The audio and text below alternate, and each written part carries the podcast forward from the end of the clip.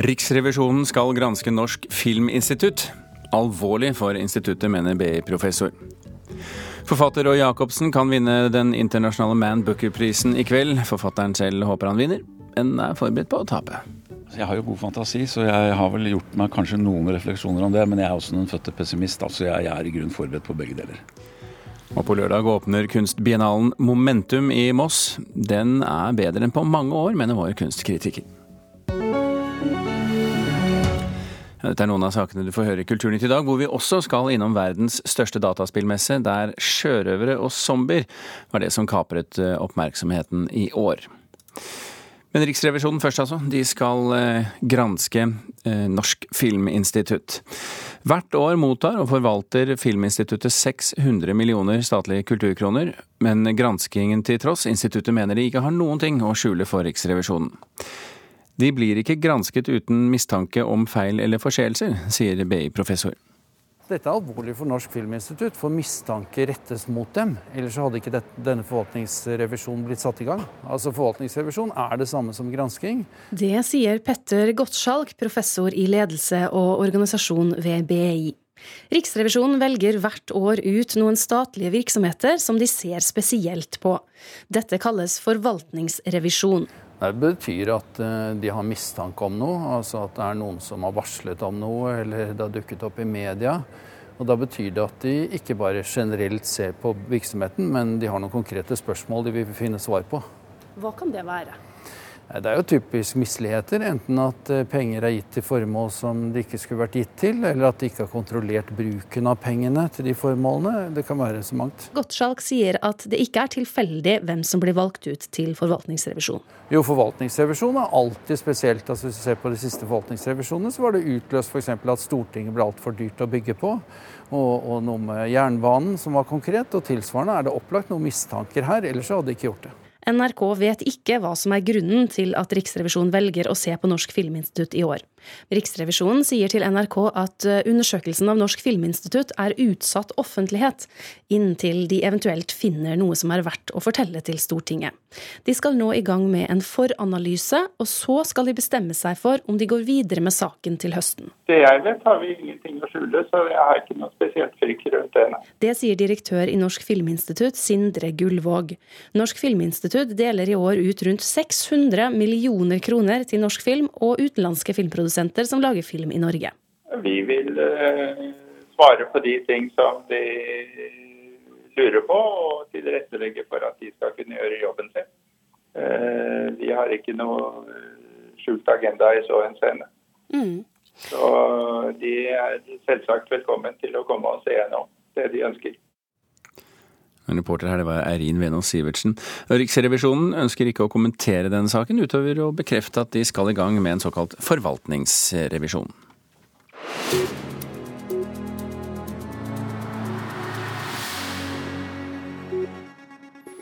Da har jeg fått kollega og reporter Vidar Sem i studio etter å ha strevd seg gjennom alle dagens aviser. Det er én sak, Vidar, som går igjen, så vidt jeg forstår?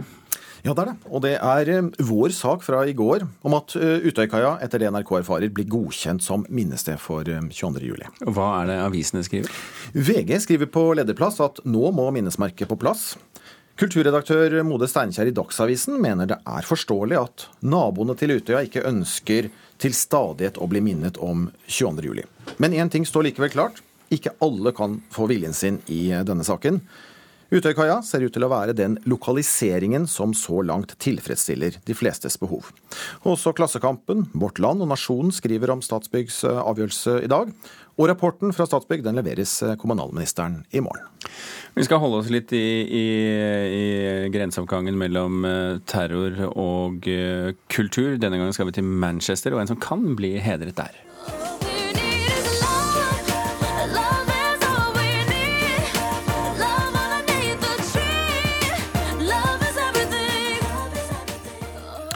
Dette er Ariana Grande, som nå kan bli æresborger av Manchester. Artisten står nå først på deres liste over borgere som ikke kommer fra byen. men som allikevel kan få pris. Er det da for hennes eh, innsats eller rolle under dette terrorangrepet? Der? ja, det er jo det. For eh, det var jo etter, hennes, eh, etter en konsert med henne at en selvmordsbomber drepte over 20 mennesker og skadet over 100. I etterkant av tragedien tok Rande initiativ til en veldedighetskonsert. 50 000 mennesker var på plass da Grande gikk på scenen iført en hvit genser med teksten 'One Love Manchester'. Britisk Røde Kors meldte at konserten innbrakte nær 110 millioner kroner, og fondet er opprettet for dem som ble rammet av terrorangrepet. Og derfor vil byens myndigheter hedre det. Vidar Sem, takk for eh, orienteringen. Vi skal holde oss eh, i eh, England, faktisk. For i kveld så avgjøres det hvem som får den prestisjetunge Man Booker International Prize. Og norske Roy Jacobsen er en av seks nominerte. Han er nominert for romanen De usynlige, som i tillegg til gode kritikker her hjemme også har blitt godt mottatt i Storbritannia. Jacobsen er eh, foreløpig rolig, men som han sier Jeg er spent. Jeg er spent, må si det. Forfatteren Roy Jacobsen er første norske forfatter som er nominert til den svært prestisjetunge Man Booker International Prize, som deles ut på ærverdige Victoria and Albert Museum i Vest-London i kveld. Roy Jacobsen er nominert for sin bok 'De usynlige' fra 2013, og som kom ut på engelsk som 'The Unseen' i fjor. Og kritikkene herfra har vært strålende. De har jo mottatt den eksepsjonelt godt. Jeg har jo fått uh, kritikker som uh som sjelden eller aldri her. Så, så det, det, er jeg veldig fornøyd med. Så det er jo ikke noe tvil om at det å være shortlista her har skapt enorm oppmerksomhet uh, rundt denne boka, eller disse seks bøkene, da, som det tross alt dreier seg om. Men jeg har jo også vært jeg vet ikke om jeg skal kalle det heldig, men jeg har i hvert fall mottatt veldig, veldig god respons. NRK møter Jacobsen i en idyllisk hage i Islington i Nord-London, der han bor hos sin engelske forelegger. Bøkene hans beskriver klassiske norske samfunn, enten de er værharde utkantstrøk, som i nettopp De usynlige, eller gjennombruddsromanen Seierherrene fra 1991, eller de beskriver arbeiderstrøk, en av Oslos drabantbyer, som i boken 'Vidunderbarn' fra 2009. Nå fortelles historien i en engelsk språkdrakt. Det er en fryd for meg å lese dette her på engelsk, fordi det er gjort av en så profesjonell eh, oversetter som Don Bartlett og hans venn Don Shaw. Så øh, hva skal jeg sammenligne det med? Ja, nei, Jeg må jo bare si at det er en nytelse. Internasjonale navn som Alice Munro og Philip Roth har vunnet prisen tidligere. Vel så etablerte navn som Gynter Grass, Milan Kundera og Salman Rushdie har vært nominert, slik Jacobsen nå er. Ja, det er, det er, et skremmende galleri. Jeg er helt enig i det. Så jeg tar det som en Jeg, jeg sier to, stor takk til alle som har fått meg opp eh, på denne lista her. Selve prisutdelingen er en stilfull affære, en middag hvor pressen holdes utenfor helt til vinneren er annonsert. Prisen er på 50 000 pund, eller om lag 550 000 norske kroner, og deles likt mellom forfatter og oversetter. Og når eh, NRK spør Røe Jacobsen om hva han selv tror om utfallet, svarer han diplomatisk slik. Eh, ja, jeg har jo god fantasi, så jeg har vel gjort meg kanskje noen refleksjoner om det. Men jeg er også en fødte pessimist, altså jeg, jeg er i grunn forberedt på begge deler. Svaret får vi iallfall klokken 22.45 i kveld. Da sitter Røe Jacobsen spent sammen med sine mednominerte, som kommer fra Frankrike, Israel, Danmark og Argentina. Og den ene vinneren blir iallfall alt annet enn usynlig. Espen Aas, London. Leif Ekle, litteraturkritiker her i NRK, med oss fra studio i Porsgrunn. Og her er det store spørsmålet, Leif. Blir det, blir det Roy Jacobsen som vinner i kveld? Ja, Det åpenbare svaret er at jeg vet ikke. ja. Og lykke til med resten. Ja. Nei, um, men si noe om sjansen hans, da. Jeg tror jeg, jeg, har tenkt litt på det. Eh, jeg har lest eh, Roy Jacobsen mye. Jeg må med stor skam melde at jeg ikke har lest eh, De usynlige. Jeg har lest den, så da veier vi opp da rent teammessig. Ikke sant. Og, og, og, jeg tror nok at det prosjektet Roy Jacobsen har vært i nå i mange år, og denne tilnærmingen til til eh, det harde livet, arbeidet, det jordnære, det naturnære, som også min kollega Anne Katrine Strøme har vært innom når vi har snakka om dette, eh, så tror jeg at han har en god sjanse. Men han er jo ikke i noe vakuum her, Leif. Nei. Han har relativt hva skal vi si? Tøff konkurranse. relativt tøff konkurranse. Mm. De eh, to israelske romanene har du lest, det vet jeg. Ja, det, det er liksom, Vi har delt arbeidet mellom oss i, det, i, i, forbindelse med den prisen, og jeg har lest de to israelske. og Begge er uh, strålende romaner og åpenbart tunge kandidater, altså. Ja, Hva er det som gjør dem strålende? Nei, Det er vel på en måte noe av det samme. Det har noe med, med eh, viktighet, med aktualitet, nærhet til eh, historie i dette tilfellet å gjøre. Eh, Amos Aas, 'Judas', foregår i 1958 nei, 1959-60 i, i, Israel, i Jerusalem, og handler om forræderi. Hva er forræderi? Eh, det handler om Judas-myten, selvfølgelig, men det handler også om nasjonen Israel og dens forhold til verden omkring. La oss, la oss eh, se litt på, på eh, Eller skulle, var det, den, det var en til òg, kanskje? Ja, det er en til. altså horse walks into a bar. Det er jo begynnelsen på en vits. Eh, handler om en eh, aldrende, eller iallfall godt, eh, godt voksen standup-komiker som har hatt et hardt liv. Han holder en forestilling et stykke utenfor utenfor eh, Jerusalem. Eh, han, eh, dette er kanskje hans siste forestilling. Vi får hele forestillingen. Den varer i to timer, og hele denne ikke veldig lange boken. Og vi får hans gamle venn, en, en dommer, og hans fortelling om, om altså de, Han forteller om forestillingen, og vi får forestillingen gjengitt. Og i dette blir det sorg, det blir fortvilelse over en barndom som ble ødelagt. Og igjen, da oss og dem. Men Leif, eh, vi, vi, lider jo av det, vi journalister, at med en gang det er noen norske nominert i et mm. eller annet, så er, vi, så er vi raske med å si prestisjetunge priser. Ja, um, det har du rett i. ja, Men hva med Man Booker? Har vi våre ord i behold, da? Ja da, det har vi. Eh, jeg vet ikke om noen pris som, eh, som tar for seg oversettelsen det å, å, formidle litteratur fra et annet språk en, en, pris som er tyngre enn denne. Det mm. vet jeg ikke om. Aftenposten skriver i dag at Roy Jacobsen, etter å ha blitt uh, oversatt til engelsk, har fått uh, eller kommet på kortlisten til Man Booker, så har han fått noe sånt som 15 nye avtaler. Hva vil det bety om han skulle gå hen og vinne?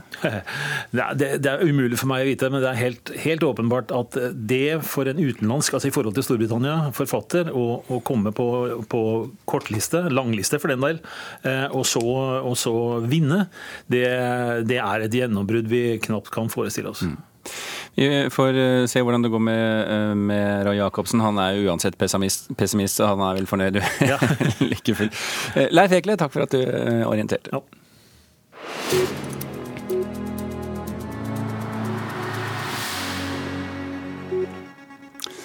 Har vi kommet til uh, nyhet, nyhetsoppsummeringen uh, i Nyhetsmorgen her i Kulturnytt. vi snakker om den viktigste saken i dag. utenriksmedarbeider Tom Christiansen, vi snakker om storbrannen i London. Hvordan går det der? Hva er siste nytt? 34 er skadd, men ingen vet hvor mange som ikke kom seg ut av blokka. Det var flere hundre som lå og sov i, i, i natt. Noen er kommet ut, og London venter på et uh, fryktelig tall i løpet av dagen. De har sett mennesker som sto og skrike i vinduene, som viftet med lommelykter. Og det har sett mennesker som hoppet utfor i, i panikk. Hva forventer eh, myndighetene da? De forventer at eh, mange er fortsatt igjen inne, men alt er utbrent. Så utbrent at blokka kan rase sammen. Så utbrent at det er vanskelig å ta seg inn fordi oppgangene er eh, ødelagt. Så det er en, en svær historie mm. som venter både politi, brann, sykehus og andre involverte. Takk for at du orienterte, Tom. Dette er jo selvfølgelig en sak vi følger her i NRK Nyheter utover eh, dagen. Norges seks største filmfestivaler går nå sammen om en ny forsikringsordning for å stå sterkere mot fremtidige søksmål. Hver for seg er festivalene for små til å takle to store uh, søksmål. Eksempel valgte Kortfilmfestivalen i Grimstad i fjor å trekke en dokumentar etter varsel om søksmål. Men sammen håper de å kunne stå imot. Og festivalsjef for Kortfilmfestivalen i Grimstad, Elisabeth Aalmo, velkommen til Kulturnytt. Takk for det. Hvor ofte blir norske filmfestivaler truet med søksmål? Nei, du, det er jo ikke så ofte. Eh, dette var vel den første erfaringen vi hadde i fjor.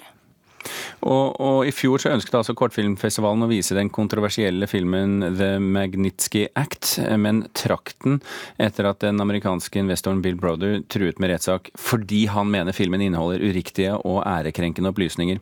Hadde dere vist den dersom dere hadde hatt den eh, nye forsikringsordningen på plass i fjor? Ja, altså Dette er jo en veldig komplisert sak, så det er jo litt vanskelig å svare på. Men eh, vi ønsker jo først og fremst nå å se framover og se hva man kan lære av det. Stå uh, sammen og være sterke. Og vi ønsker å kartlegge bransjen for å se på hva slags type erfaringer eh, man har, og hva slags type kompetanse man trenger i tiden som kommer. Men før vi slipper denne filmen,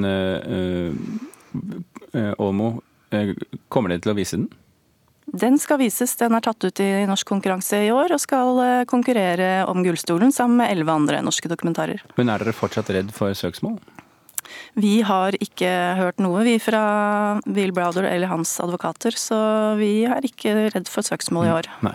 Vi, eh, bare for å nevne det, vi har altså snakket med eh, investorens norske advokat Carl Bore. Han ønsker ikke å kommentere eh, at filmen skal settes opp igjen nå, i Grimstad, så vi får bare se hvordan dette vikler seg ut etter hvert.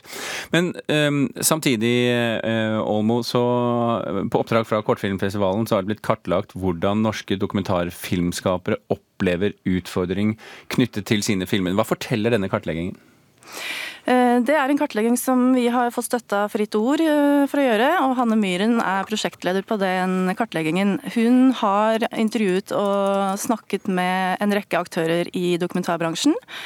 Eh, og de forteller om økt press. Eh, de forteller om erfaringer som eh, både anonyme e-poster, hacking, de må jobbe med kryptering av informasjon og kildemateriale.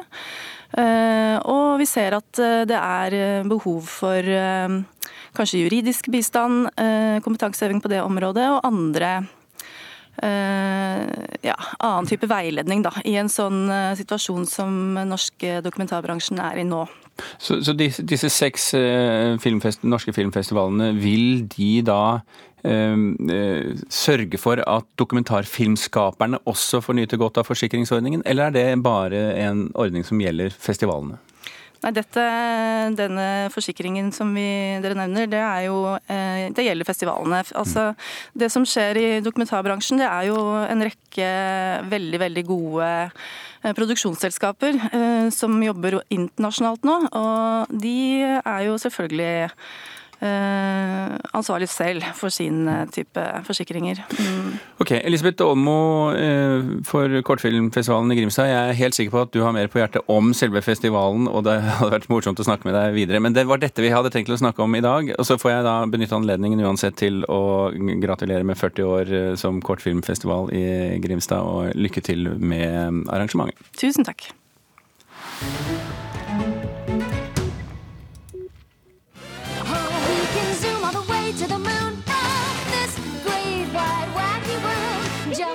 me.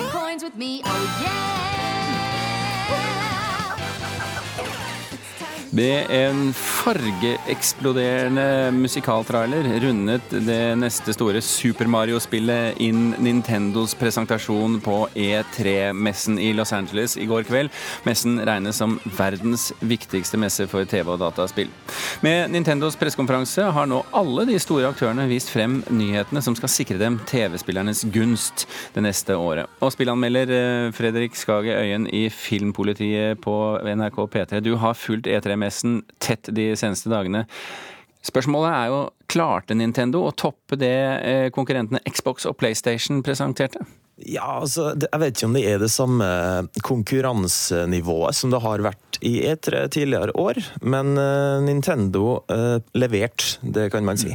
Hva får deg til å si at det ikke er det samme konkurransenivået de store imellom? Eh, nei, jeg vet ikke. Det, det, det er ikke noe stikk dem imellom. På en måte, Alle kjører sitt eget løp. Jeg tror de har innsett at det er, det er nok penger i verden til alle.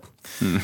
så Men, eh, men, alt i alt en veldig god E3. Eh, Nok penger er det kanskje, men Nintendo har jo slitt økonomisk i flere år, og deres forrige spillkonsoll det var jo en stor flopp. Så nå har de eh, fått et oppsving med eh, denne Nintendo Switch. Mm -hmm. Men eh, spilltitlene som ble presentert i går, hvor, hvor, godt rustet står de nå i kampen mot de to andre?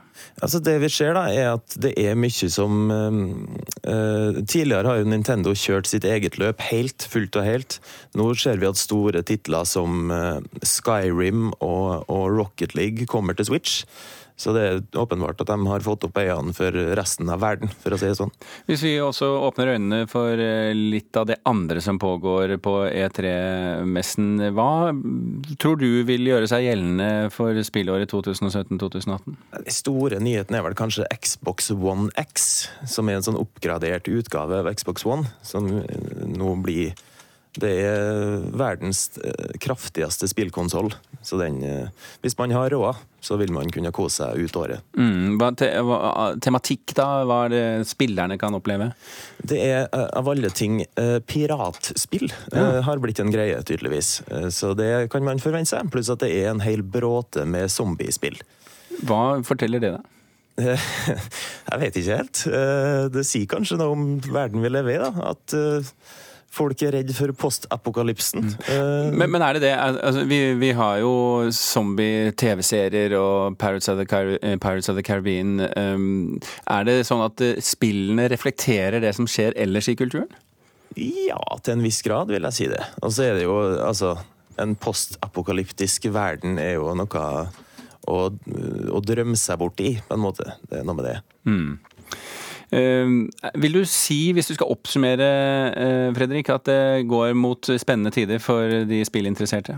Eh, det vil jeg si. Er, jeg er litt skuffa over E3 i den forstand at det var litt få overraskelser. Mm. Men, eh, men alt i alt en ganske solid messe. Stødig kurs fremover, med andre ord. Ja. Fint. Fredrik Skagøyen, takk for at du fulgte med på E3 for oss her i Kulturnytt. My name's Blurry Face and I care what you think. My name's Blurry Face and I care what you think. Dette er YouTube-stjernen Austin Jones. Han er nå arrestert. Det skjer etter anklager om at han har fått unge fans til å sende ham videoer med seksuelt innhold av seg selv. Den 24 år gamle sangeren har flere hundre tusen følgere på nettet, og jentene som skal ha sendt Jones videoer er rundt 14 år gamle, skriver Hollywood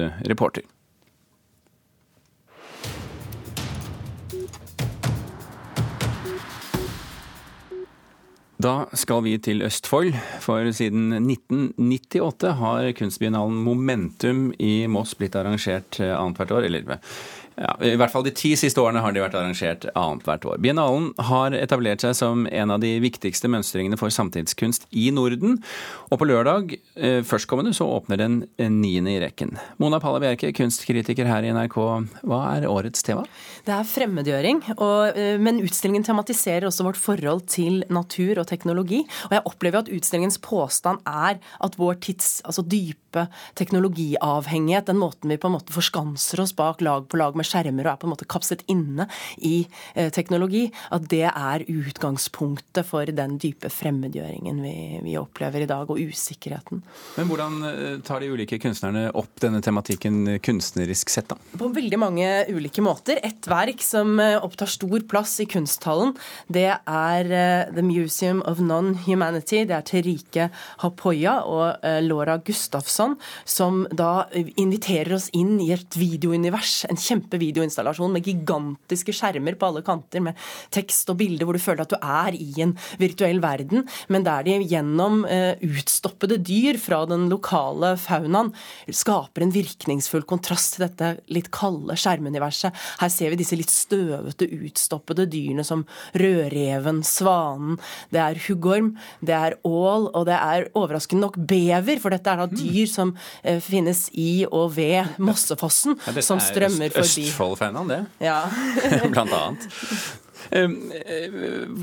Hva vil de si, hva er budskapet her? Hva, hva er det vi, de vil at vi skal oppleve? Nei, De vil nok, altså, de vil helt klart ta opp dette med vår hang til å kategorisere både mennesker og dyr i raser, arter, andre kategorier. Og også vise hvordan denne distinksjonen mellom det dyriske og det menneskelige har vært brukt som undertrykkelse. Hvordan vi undertrykker dyrene er jo helt åpenbar, men også hvordan det å snakke om mennesker som dyr har vært en måte å dehumanisere og også legitimere alt fra slaveri til folkemord gjennom tidene. Er det, er, det, er det, lett å skjønne sammenhengen mellom dyrene på den ene siden og, og, den teknologiske fremmedgjøringen her? I hvert fall så oppleves det veldig sterkt at man ser disse støvete, gamle skoleeksemplene. For dette er også dyr hentet fra en lokal uh, skole.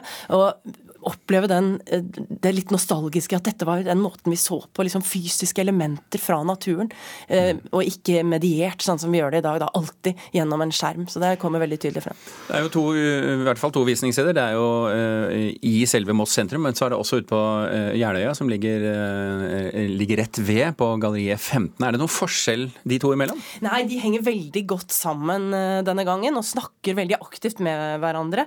Men der ute på F15 så var det et verk som slo meg veldig sterkt, og det var Hans Rudi Giger. En sveitsisk skulptør eh, og scenograf og designer. Han er bl.a. kjent for å ha laget Alien-monstre i Alien-filmen. Eh, og han har lagd da en stoler der på en måte kald industridesign møter anatomiske detaljer og forvandles til et sånn marerittaktig uttrykk hvor ryggstøet blir en ryggrad, og i noe som ligner en kjempestor blanding av en trone og en tannlegestol, så er det store eh, hodeskaller innfelt. Så det her her er det liksom hvordan tingene blir menneskeliggjort, og mennesket blir tingliggjort på en måte. Og det, det er jo like fremmedgjørende. Eh, Mona, du har jo vært litt sånn opp og ned i entusiasmen over eh, momentum eh, i de siste årene. Hvordan vil du plassere deg i det, det hierarkiet nå? Nei, Nå er jeg veldig begeistret, og det er fordi at jeg syns de klarer, på tross av en veldig vid ramme, så klarer de gjennom valget av arbeider å innsnevre denne rammen og gi biennalen et veldig tydelig tydelig fokus og eh, gir den liksom en retning og et helhetlig perspektiv. Mm. Og Det syns jeg de har lykkes veldig godt med i år, som de har slitt med tidligere. Så jeg syns dette er en veldig severdig biennale, som det er god grunn til å reise til Moss for å få med seg. Mona Palle Bjerke, takk for at du så Momentum for oss. Eh, Kulturnytt er nå i ferd med å runde av. I dag har vi fortalt at Riksrevisjonen skal granske Norsk Filminstitutt, og at eh, BI-professor Gottschalk mener det er svært alvorlig for instituttet. Gjermund Jappé og Birger Kolsrud Aasund takker for følget. Nå fortsetter flere nyheter her i denne kanalen.